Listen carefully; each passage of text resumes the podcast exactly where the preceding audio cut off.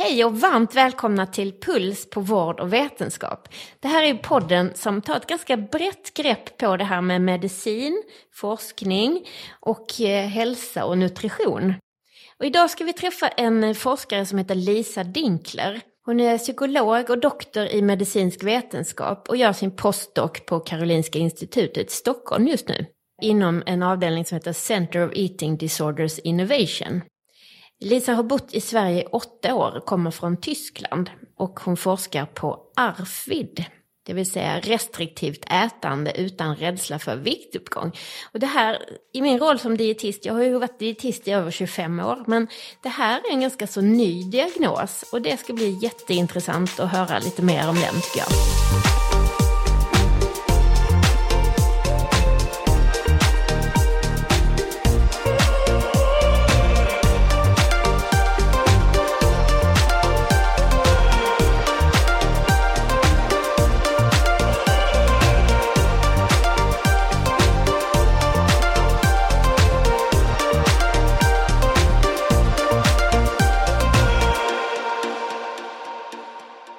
Välkommen hit Lisa! Tack så mycket! Hur kom det sig att du kom till Sverige? Ja, eh, 2014 då eller något? Ja, 13, 14 någonting sånt. Mm. Jag kom hit som en utbytesstudent faktiskt eh, till mm. Karlstad. Mm. Jag började lära mig svenska i Tyskland och sedan dess ville jag komma till Sverige och kolla hur landet Eh, är och så. Ehm, och sen stannade jag bara kvar. jag kom i kontakt med Givbergscentrum i Göteborg och började forska som eh, forskningsassistent då om anorexi eh, och ätstörningar och tyckte det var så väldigt spännande. Ehm, så jag påbörjade en doktorandtjänst där. Och sen under den tiden fick jag möjlighet att arbeta med AFIT och fördjupade mig i det. Bara först och främst, vad betyder ARFID egentligen? ARFID det står ju för Avoidant Restrictive Food Intake Disorder. Och så mm. har man förkortat det till AFID. Eh, och på svenska heter det undvikande restriktiv ätstörning. Det har ju Just kanske varit lite svårt att hitta ett bra ord, en bra översättning mm. för AFID. Men det är vanligtvis undvikande restriktiv ätstörning man säger. Mm. Och det innebär då att man äter väldigt ensidigt? Eller är det liksom att man eh, Precis. tar bort det... bara enstaka saker? Eller? Ja, det är lite olika.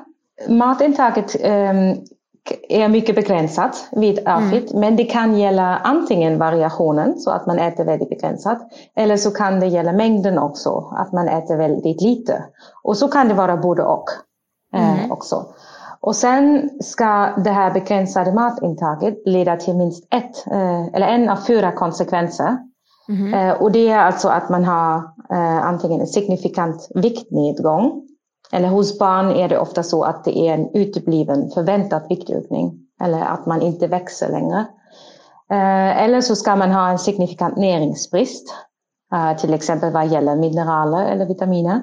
Eller så ska man ha ett beroende av näringstillskott eller sondmatning. Mm. Och den fjärde konsekvensen är att man har en påtagligt negativ inverkan på psykosocial funktion. Så det betyder mm. alltså att man inte kan riktigt ja, vara med längre i alla sociala sammanhang eh, och fungera i vardagen. Så.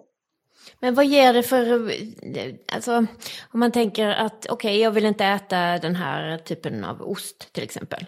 Bara så.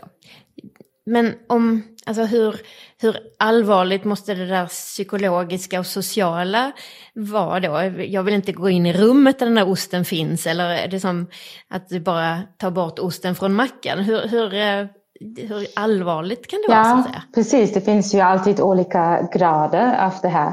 Och när man tänker sig nu att du kanske inte äter någon form av ost, då är det inte riktigt kanske något problem så länge du Eh, äter alla andra saker som finns. Så du kommer inte gå ner i vikt och du kommer inte utveckla näringsbrist bara på grund av att du inte äter ost. Då. Och samtidigt kommer inte riktigt kanske begränsa dig i sociala sammanhang så, så du kan kanske gå ut med dina vänner ändå och äta. Så men bara att du inte äter ost då. Om det är så att du inte kan vara i samma rum som ost, då kan det bli eh, lite svårare faktiskt. Eftersom det kan ju begränsa dig på det sättet att du inte kan vara med din familj och vänner längre när de äter ost. Nu är det ju ett väldigt enkelt exempel, men eh, ungefär så kan man tänka. Påverkar det vikten, påverkar det näringen och påverkar det social funktion? Eller vardaglig funktion. Så. Mm. Mm. Och hur, jag tänker att det, det är ganska så vanligt att man till exempel eh, har lite ätproblem när man har en neuropsykiatrisk diagnos. Eh, hur, hur särskiljer man de här från ARFID? Eller hur särskiljer man ARFID från NPF? Så att säga? Ja, precis. Och det är en intressant fråga som jag får ganska ofta. Eh, eftersom Alltså ätproblem eller selektivt ätande är ju väldigt vanligt vid autism till exempel. Um, och det har kanske blivit så pass vanligt att folk tänker, eller ja, att man tänker att det hör till autism nästan. Mm. Men mm. så är det ju inte riktigt. alltså eh, ätproblem är ju inget diagnoskriterium för autism till exempel. Och då måste man verkligen tänka så här att eh, om de här ätproblemen kräver um, insatser, uppmärksamhet från sjukvården om de måste behandlas, eh, om de är så svåra att barnet behöver hjälp för sina ätproblem, då ska, då ska man sätta en ARFID-diagnos också. Då är det ah, autism okay. och ARFID. Alltså det, ah. det, finns ingen antingen eller, man kan ju ha både och. Mm. Eh, och det är faktiskt ganska vanligt att man har både och då. Mm, mm. Precis. Nej, för det visste inte jag att det, det, liksom, det var en, en, en, diagnos som man sätter också, så att säga. Utan jag trodde man Precis. bakade Precis. in det. Mm. Mm. Och, och, när, man, när man tänker på AFID, då är det alltid viktigt att uh, tänka på de här, eller fokusera på de här konsekvenserna som jag precis mm. nämnde.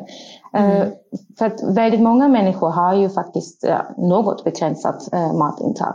Men det är konsekvenserna det handlar om. Om jag har inte en påverkan på vikten eller näringen eller min funktion, då då är det ingen outfit. Så.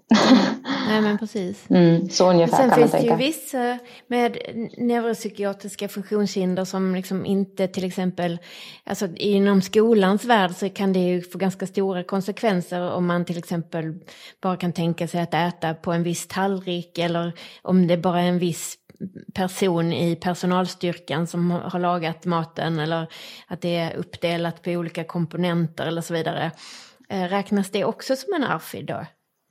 Ja, alltså eh, om det är ARFID det måste man ju utreda i varje mm. enskilt mm. fall. Men eh, mm. absolut, de exemplen som du säger är ju de kan ju vara en väldigt stor begränsning om det leder till till exempel att barnet inte längre går till skolan eftersom de kan inte äta från tallrikarna i skolan så att säga. Mm, och då mm. blir det ingen mat i skolan och så blir barnet väldigt trött och kanske har mycket ångest och så kommer den stanna hemma eller blir för trött att vara med i undervisningen och allt det där. Så absolut, det kan ju leda mm. till de svåra konsekvenserna. Mm. Har det oftast eh, liksom mycket psykosociala, alltså förutom det här sociala, tänker jag, de, alltså det psykologiska eh, effekterna så att säga, som du nämner, man blir trött och man kanske blir lite, ja man blir ännu mer nedstämd och, och har svårt i skolan och så. Är det också en del av det så att säga? Ja absolut det och det, mm. det, är väldigt vanligt. Det finns faktiskt eh, en stor del av personer med ARFID som inte har någon påverkan på vikten eller näringen utan de har bara eh, de här psykosociala konsekvenserna. Att de inte kan vara med eh, med sina vänner. De kan inte gå på fest eftersom de inte vet om det finns mat som de kan äta. De kan inte gå på restaurang. Eh, familjen har det väldigt svårt att eh, gå ut eller resa eller träffa vänner eftersom barnet behöver väldigt speciella förutsättningar för att kunna äta mm. och sådana saker. Så det kan vara väldigt begränsade bara på det planet faktiskt. Mm. Mm, absolut. Hur ser du liksom på det? För det låter ju lite som att det är lätt hänt att tänka att ja, ja men skärp dig. Nu, nu får du liksom ta den här skeden och ät liksom.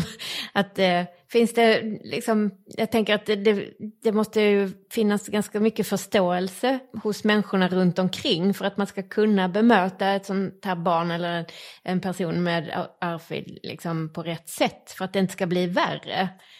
Ja, Absolut, och då måste man verkligen tänka på att de här problemen är ju ofta förknippade med väldigt stor ångest eh, som dessa barn har eller väldigt starka äckelkänslor eh, för viss mat. Och, alltså det är inte bara nej, idag vill jag inte äta, utan det är, det är väldigt tungt eh, för, de, för de här individerna också. Kanske borde vi också säga något om det här med vad egentligen driver det här begränsade matintaget i Afrika. Det har vi inte pratat om än. Eh, vi, vi pratar ju vanligtvis om tre olika typer, subtyper, fast man ska inte riktigt säga subtyper eftersom de är inte eh, separata så att säga. De, de överlappar ganska mycket. Um, så, så den första är då en eh, sensorisk överkänslighet mot mat och det kan alltså gälla smaken, eller lukten, konsistensen. Det känner man ju igen. Det eh, ser man väldigt mycket hos barn med NPF också. Eh, men det kan också vara färgen eller märke av mat. Eh, nej, jag äter bara Kelloggs eh, eller från det här märket. Eh, det kan också gälla temperaturen till exempel. Man föredrar kall mat. Eller utseendet. Så till exempel brödet får inte ha några brända kanter. Då går det inte alls att äta.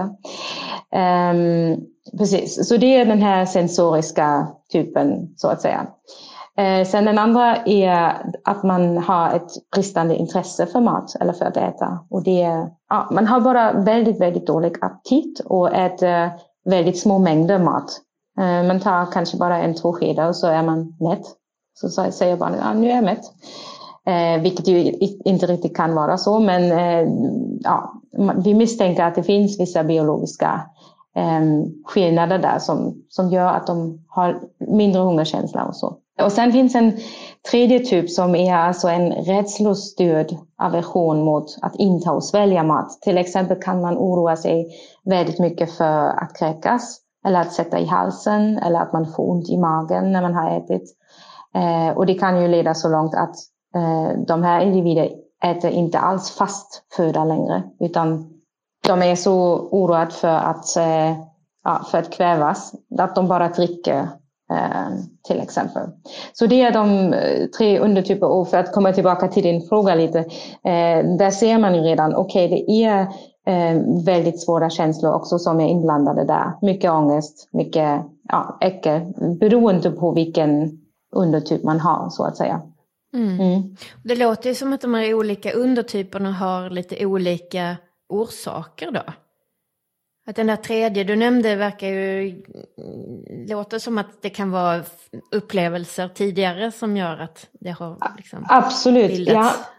Så den tredje problem. typen, den liknar ju lite en eh, fobi, en matfobi mm. egentligen. Mm. Precis. Um, och det måste inte vara så att man har själv haft en sån upplevelse, um, att man har kvävts av mat eller någonting sånt. Det kan också vara så att man har sett det hos en annan person uh, och inte heller det måste vara så. Men, eller så kan det så att man eh, till exempel har haft um, episoder av mycket buksmärta eller diarré och så. Så är man jätterädd för att det händer igen och så undviker man vissa matgrupper och så.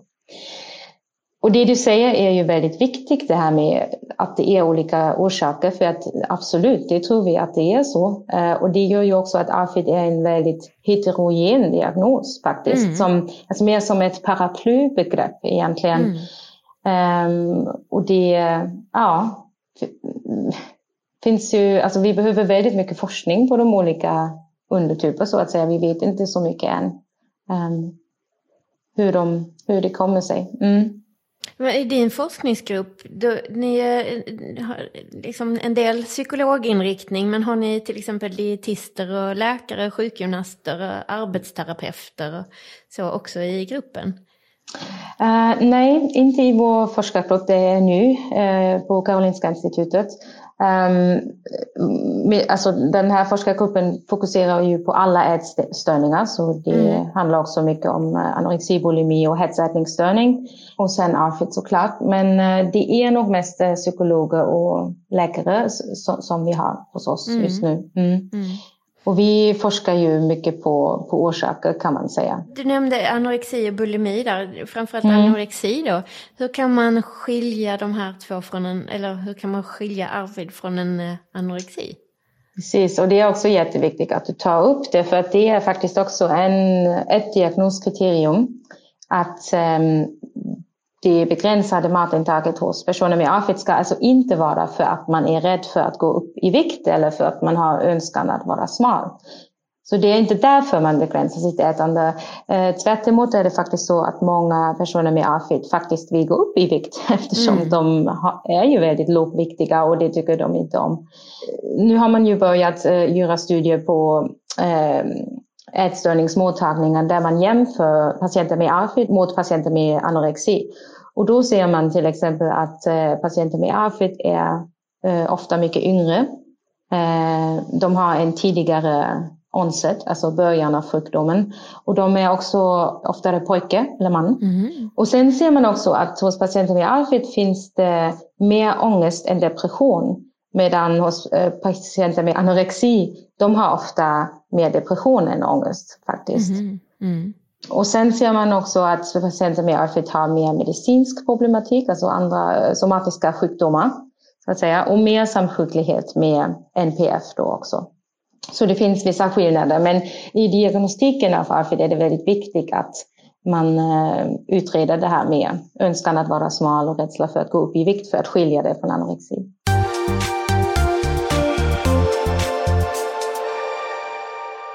I din egen forskning, hur, vad gör du då så att säga? Vad är det du tittar på? Ja, eh, det är ganska många olika saker vi tittar på. Ehm, man kan egentligen säga hela ehm, hela spektrumet från eh, orsaker till avfett. Vi håller på, eh, just nu på att planera en stor genetisk studie för avfett där vi vill samla in salivprov för att analysera DNA och på så sätt eh, hitta genvarianter som är associerade med AFID. Sen håller jag också på att forska inom en tvillinggrupp eh, om heritabiliteten av AFID och sen olika riskfaktorer Eh, och förlopp över tid. Om man till exempel har en högre risk för att utveckla andra ätstörningar senare.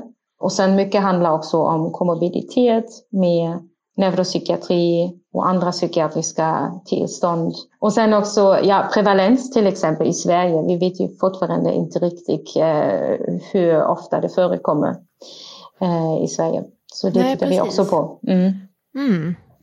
Och vet, nej, då vet man inte hur, man kan inte jämföra hur det ser ut i andra länder och sådär heller kanske? Jo, ungefär kan man ju det. Um, alltså, vi, vi har ju kanske ett tiotal studier från andra länder som visar att det är ungefär en prevalens av 1-5 procent i den allmänna befolkningen. Och då gäller det barn och vuxna. För det är ju också ganska intressant. Alltså det verkar så att AFID har ofta ett ganska långvarigt förlopp eh, och håller sig kvar i vuxenåldern. Och, och vi har nu någon preliminär data i Sverige där, där vi har hittat en prevalens på 2 procent hos 6 12-åriga barn. Um, så mm, vi får se. Uh, vi behöver verkligen uh, mycket mer studier där. Och sen mm. i olika åldersgrupper också såklart. Ja, precis. Men känns det som att det blir allt vanligare ju mer man pratar om det så är det fler som säger mm, men det där har nog jag också. Precis, nej jag tror inte att det blir vanligare i sig. Det är nej. mer att nu upptäcks det mer, nu pratas mm. om det, nu, nu förstår folk, ja ah, men det är det jag har haft hela mitt liv mm. eller så. Mm. Eh, nu kan man äntligen sätta ett namn på det. Eh, och bara att man sätter ett namn, då har man ju ingen behandling och ingen hjälp. Men det är ofta viktigt att veta att ah, det finns faktiskt, det finns ett namn på det, det finns eh, en förklaring och det finns folk som eh, håller på att forska om det och mm. intressera sig för det så att jag kan få hjälp någon gång mm. kanske. Mm.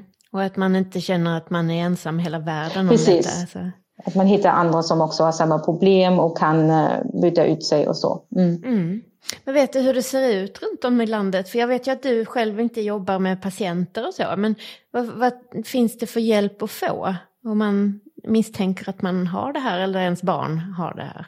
Ja, det är väldigt svårt att få hjälp för AFID. Eh, och jag har också lite svårt eftersom jag inte jobbar klinisk kliniskt att svara på det. Jag vet vissa ställen, alltså jag vet till exempel Stockholms center för ätstörningar har börjat behandla AFID hos barn.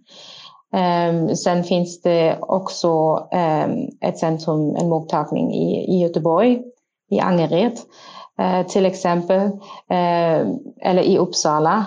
Um, men ja, det är väldigt svårt, det är ofta begränsat till vissa åldersgrupper och man måste såklart bo nära storstäderna. Men är, hur ser behandlingen ut då? Vad, vad är det man gör så att säga? Ja, behandlingen riktar sig ju efter de här bakomliggande drivkrafter som vi har pratat om, de tre mm. undertyper. Mm. Och det är väldigt viktigt att det finns en noggrann utredning av dem mm. när man sätter diagnosen så att man faktiskt vet vad man ska behandla. Så att mm. säga. Och det görs av en psykolog då? Eh, ja, alltså det är inte riktigt definierat. Mm, just nu säger vi alla som har kunskap och utbildning inom AFIT kan utreda det. Eh, och det, det, har ju utvecklats ehm, eh, kliniska intervjuer nu som är väldigt eh, bra och utförliga och standardiserade. Och sen behandlingen av eh, AFID är alltid multidisciplinär. Man behöver ju eh, ja, många professioner, mycket input om olika saker. Till exempel då dietist, psykolog, läkare. Eh, men också logoped eller specialpedagog, eh, kanske fysioterapeut. Så, så det är lite olika vad, vad som kan eh, behövas. Om det är en person som är underviktig, då är det ju jätteviktigt att man kollar på vikten först då och försöker återställa den. Och hantera näringsbrist också om de finns. Det kan behövas sondmatning i de värsta fallen. Eh, eller näringstrycket till exempel. Um, samtidigt um, ja, precis, måste det finnas en medicinsk övervakning av vikten och tillväxten Eh, och behandling av möjliga fysiska konsekvenser av undernäring. Um, och det som är också väldigt viktigt i, i utredningen och diagnosen är att de här alltså eventuella medicinska förklaringar för de här problemen undersöks Eh, innan man sätter en diagnos på AFID. Och sen såklart också psykologisk behandling och det kan vara olika och de här psykologiska behandlingarna håller ju nu Alltså man håller på att utveckla dem. Eh, och det finns inget som är riktigt beprövat än eller evidensbaserat eh, som vi säger. Men det kan handla sig då om kognitiv beteendeterapi eller familjebaserad terapi, att man ehm, kollar på måltidsinteraktioner och ger stöd där till föräldrarna till exempel. Eh, och sen är det också viktigt med psykoedukation eller att man bara, ja, att föräldrarna eller individerna lär sig om diagnosen. Eh, och speciellt för barn då med AFIT, då är det också så att eh, den här oron hos föräldrar, den, de, den mildras i regel när de lär sig mm. lite mer om och um, inriktar sig på att det blir ett långsiktigt tålmodigt arbete som ofta mm. sträcker sig då över många år. Mm. Mm. Är det vanligt att man hamnar på fel ställe i vården så att säga? Ja, absolut. Eh, det är ett stort problem att alltså, vi säger att man ofta faller mellan stolarna och roterar runt bland medicinska eh, specialiteter så att säga. Alltså man hamnar kanske hos barnläkaren eller i gastroenterologin eller i psykiatrin. Um, och då är det ofta så att ingen riktigt vet och skickar vidare kanske. Och ja, det är väldigt svårt och utbildning inom AFIT eh, behövs där. Samtidigt är det ju så att forskningen inte riktigt har kommit så långt. Ehm, så diagnosen har ju funnits nu i eh, nio år ungefär. Sedan eh, DSM-5, alltså den här diagnosmanualen som används mest i forskningen, den kom ju ut 2013, den nya versionen. Och då fanns AFIT med.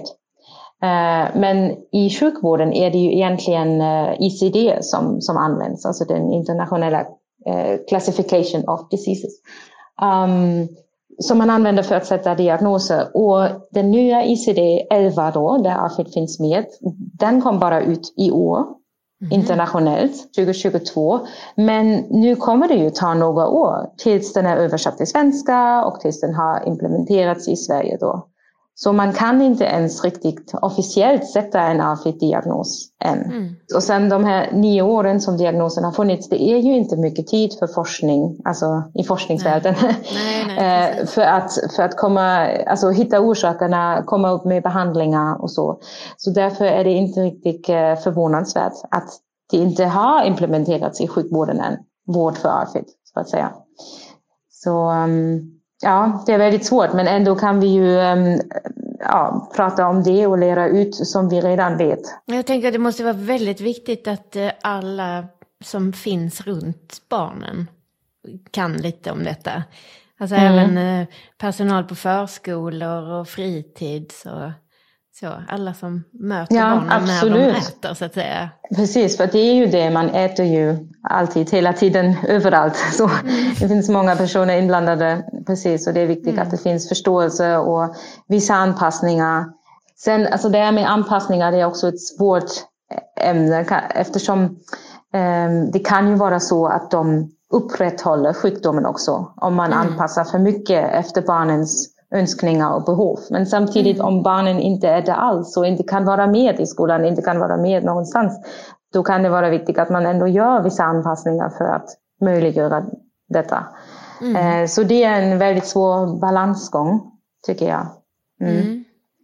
Ja, och det måste ju också vara svårt att liksom pusha lite lagom mycket och mm. veta när man ska pusha och när man ska stå tillbaka. Precis. Ja. Så. Och det är väldigt svårt för föräldrar också att veta och det är viktigt att de får stöd då från sjukvården.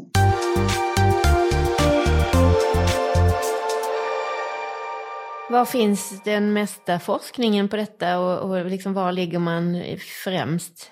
I, i andra länder i världen och så? Um, jag skulle nog säga att det är en grupp i Boston vid Harvard Medical School som ligger mm. i framkanten, speciellt vad gäller utveckling av behandling. Då. Mm. De har uh, utvecklat en uh, kognitiv beteendeterapi som de har faktiskt publicerat en manual om i 2019 redan. Mm. Uh, så den kan man köpa, den är på engelska men jag, skulle, jag rekommenderar den varmt för alla som vill läsa in sig.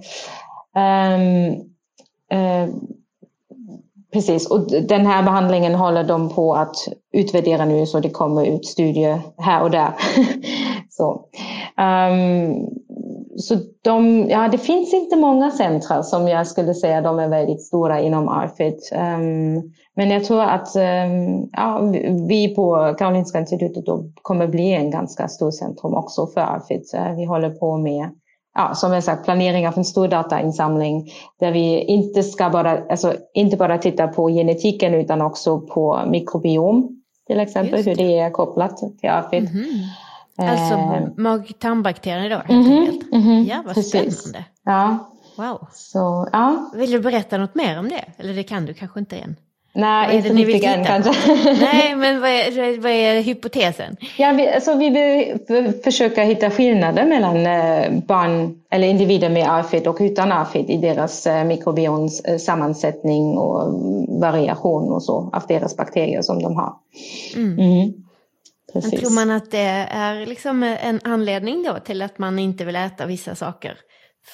Eller är det ett resultat av vad man ja, har ätit och vad man inte har ätit? Precis, det kan nog vara lite både och kanske. Mm. Och det kan mm. bli svårt att skilja faktiskt. Mm. Eh, vi får se. Jag är inte riktigt den som håller på med mikrobiomstudier, det är min kollega. Jag. Men um, eh, precis, absolut. Alltså, vi, vi vet ju om den här makt-tarmaxeln um, som, som påverkar väldigt mycket. Eh, och sen har man ju till exempel hittat också att um, anorexi Um, alltså i genetiska studier av min uh, chef eller professor Cynthia Biolik uh, har man hittat att anorexi är inte bara en psykiatrisk sjukdom utan också en metabolisk sjukdom. Alltså man har hittat väldigt många i, uh, associationer av gener som um, är kopplade till metabolism med anorexi. Då. Um, och det var ju ganska revolutionerande för anorexifältet. Och det kan ju absolut vara så att något liknande gäller för AFID till exempel. Speciellt den här typen där man har eh, väldigt låg aptit um, och äter väldigt små mängder och så. Mm. Så vi får se. Ja. Intressant. Men jag, jag tänker likadant där, att det måste också vara svårt att veta vad som är hönan och vad som är ägget. Ja. Säga, vad, vad, vad, är det som kommer först? Är det den dåliga aptiten som gör att man äter mindre eller får man ämnen i systemet som gör att man tappar aptiten för att man är i ett svälttillstånd? Mm. Det kan ju också hänga ja. ihop åt båda hållen så att säga. Precis, det är alltid svårt att mm. um ja, reda ut vad som är orsak och konsekvens. Mm, mm. Mm. Ja, men det blir jätteintressant att följa detta tycker jag. Mhm. Och jag tänker att det måste vara väldigt många eh, arbetstillfällen för dietister som kommer här framöver. Ja, precis. Du, eh, är det något mer som du skulle vilja berätta om eller så? Eh, ja, under min doktorandtid då, då fick jag eh, möjlighet att samarbeta med kollegor i Japan eh, som håller på att följa upp en väldigt stor grupp av barn. Ehm, och då var de här barnen fortfarande väldigt unga, alltså i småbarnsåldern, så vi tänkte att det var en väldigt bra möjlighet att undersöka RFID då hos dem. Eftersom de är ju för unga för att ha anorexi och andra ätstörningar. Eh, Så, så det var en eh, väldigt bra chans. Så vi har genomfört en eh, stor screeningstudie där eh, hos cirka 3-4 tusen barn. Och då har vi också utvecklat ett screeningformulär, ett föräldrarapporterat screeningformulär för ARFID eftersom det inte fanns något sådant. Och nu använder vi det här screeningformuläret också i Sverige och gör en stor screeningstudie på barnavårdscentraler i, Mm. i Västra Götaland. Intressant. Men kan man använda samma verktyg i Japan och Sverige när man har liksom så olika matkulturer och olika typer av smaker är ju liksom inlärt från början så att säga. Eh, absolut, det måste man alltid eh, fundera på att eh, alltså man gör egentligen alltid en validering av varje screeninginstrument i varje land så att säga. Eh, precis, men det här instrumentet är väldigt ehm, Uh, utvecklat efter de- DSM-5-kriterierna och de är ju samma eh, i alla länder. Så den är egentligen inte så kulturellt beroende. Så man, man kan ju, det, alltså om ens barn är, är underviktig, det är ju samma i Japan eh, och i Sverige så att säga. Även om det finns kanske eh, andra gränser av undervikt och så eftersom asiatiska personer ofta är lite mindre och väger mindre. Medelvikten och medellängden är ju lägre helt Det enkelt. finns andra normer eh, för vikt och längd. Precis. Ehm, men bedömningen om ens barn är underviktig är ju ändå ungefär samma, skulle jag säga. Ja, vad intressant. Men det, som sagt, det, det måste ju vara otroligt svårt och väldigt viktigt att liksom särskilja vad är ARFID och vad är anorexia och vad är NPF. Kanske där det allra viktigaste jobbet ligger. Förutom det liksom att för varje individ måste det ju såklart vara viktigt att man tar itu med vad som är problemet och, och gör allt man kan för att komma bort från det så att säga. Men det måste ju rent, liksom rent organisatoriskt och vårdplaneringsmässigt och så, att man särskiljer de här olika från varandra. Precis. Och det är faktiskt eh, det är bra att du nämner det. Det är ett stort problem att vården ofta är så separerad för alla olika sjukdomar. Så det finns ätstörningsvården, det finns eh, NPF-vården eh, och, och- så vidare. Men samtidigt vet vi ju att det finns så mycket samsjuklighet. Det är ju egentligen normen och inte undantaget att man har många olika tillstånd samtidigt. Och då kan det bli så att det faller mellan stolarna eller att man inte riktigt tittar på alla andra tillstånd också för att man kanske har inte kunskapen. Um, och då, då missar man något viktigt i behandlingen. Så ett exempel är eh, barn, alltså så- som vi sa, personer med ARFID har också eh, ofta NPF. Eh, och en NPF är ju också ADHD. Och då kan det vara så om man eh, inte först behandlar ADHD, eh, till exempel med medicinering, då kan det bli svårt att få barnet sitta still vid bordet, fokusera på maten, eh, så att den inte springer runt. Så det är mm, viktigt att man alltid tar ett brett grepp på det, utreder brett och tänker på alla möjliga tillstånd som kan förekomma samtidigt för att få så bra behandling som möjligt. Mm. Intressant och svårt. För jag tänker att det jag har liksom hört de senaste åren är ju att man liksom som någon, en person med neuropsykiatriska funktionshinder har ganska ofta till exempel en överkänslighet i munnen som gör att man reagerar på olika konsistenser eller temperatur eller starka smaker eller vad det nu kan vara. Um, men att det var en del av det så att säga. Men då är det snarare ARFID som är en, eh, kan vara en del av NPF-sjukdomen? Eh, ja, antingen så eller så tänker man att eh, den här sensoriska överkänsligheten är till exempel en, en underliggande biologisk drag eller så, eh, som alltså eh, påverkar både och. Påverkar både autismen och eh, ARFID så att säga och leder till två olika tillstånd. Sen är det ju inte bara sensoriska tillstånden som leder till det ena och det andra kanske. Mest i, ja, man behöver ju ha andra symptom för autism också. Um, men viktigt är bara att man tänker vad barnet eller individen behöver hjälp för. Och då kan det behövas att man sätter två olika diagnoser och det är okej, okay, tänker jag. Ja, intressant. Jag tror vi kommer att som sagt få mycket mer kunskap om, om detta de närmaste åren här. Och inte minst så, så tror jag att din grupp kommer att bidra till det. Ja, det hoppas jag. Det känns ju så. Eh, vilken yrkesgrupp där ute tycker du har allra störst behov av mer utbildning då? det är svårt att säga. Jag tänker att kanske dietisterna vet ganska mycket redan om ARFID. Eh, mm. Det kommer ju kanske nat naturligt. Jag vet inte, jag vill inte peka ut någon och jag vet inte riktigt heller. Men eh, jag tänker alla psykologer och läkare skulle säkert eh, vara säkert bra att mm.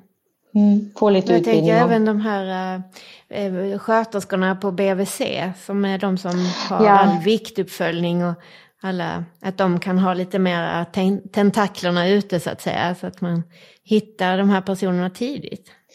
Precis, eh, BVC-sjuksköterskor har ju väldigt viktig funktion i tidig upptäckt eh, av ARFID. För att eh, det finns ju den här väldigt täta kontakten med barnen och vikten kollas regelbundet och tillväxten generellt.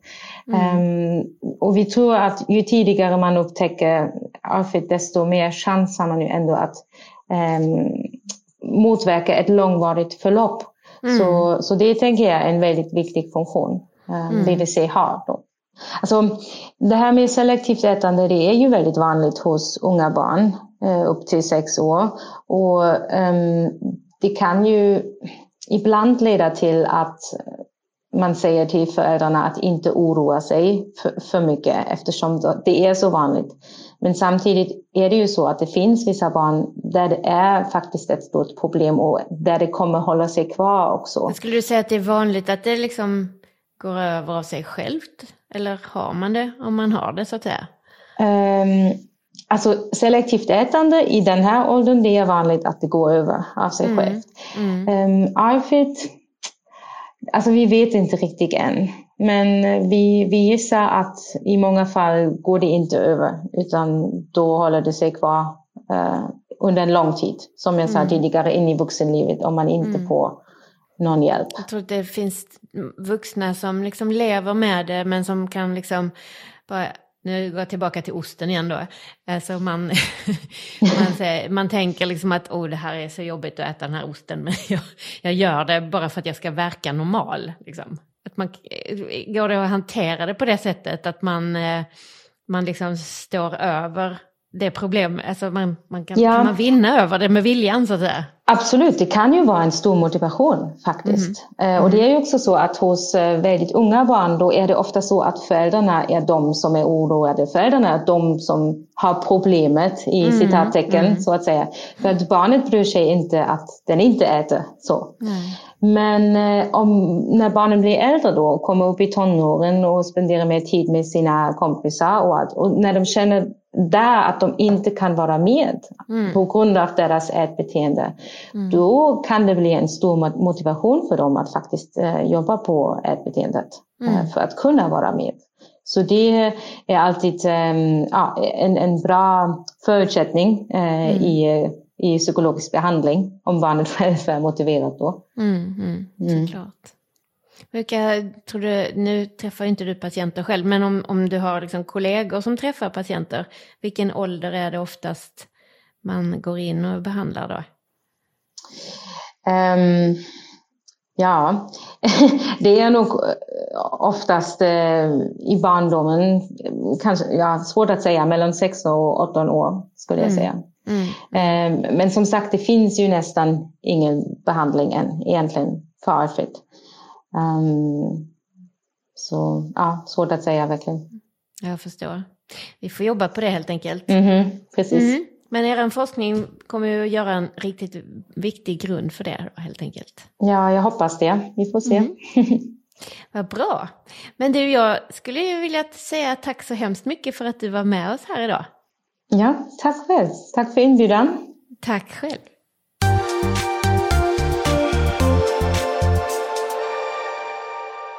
Stort tack till Lisa Dinkler för att du var med här i poddserien Puls på vård och vetenskap och pratade om ny forskning. Och stort tack också till dig som har lyssnat. Jag har ännu en gång fått lära mig massor och fått ny kunskap inom ett ämne som jag inte visste så mycket om tidigare. Det är ju det som är en sån himla förmån med att få vara programledare för den här podden. Vi träffar så många intressanta människor. Och eh, vill du som lyssnare kika in vad vi har pratat om tidigare så finns det ju ett helt litet bibliotek att gå igenom eh, på de ställena där du brukar lyssna på poddar. Men angående dagens avsnitt då, så är ju ARFID en ätstörningsdiagnos som inte har så mycket med kroppsfixering eller vikt att göra, utan som har psykologiska orsaker på ett annat plan. Jag tror att det är betydligt vanligare än vad vi vet idag och säkert finns det ett stort mörkertal och många människor som skulle behöva hjälp med detta. Så viktigt arbete som Lisa har framför sig här. Den här podden ges ut av Fresenius Kabi som en leverantör i hela vårdkedjan, på och utanför sjukhus. Klinisk nutrition, infusionsterapi, intravenösa läkemedel, desinfektion och medicinteknik. Det är några av de områden som de jobbar med. Och vill du veta mer så gå gärna in på freseniuskabi.se. Ha det nu så bra, vi hörs igen. Hej då!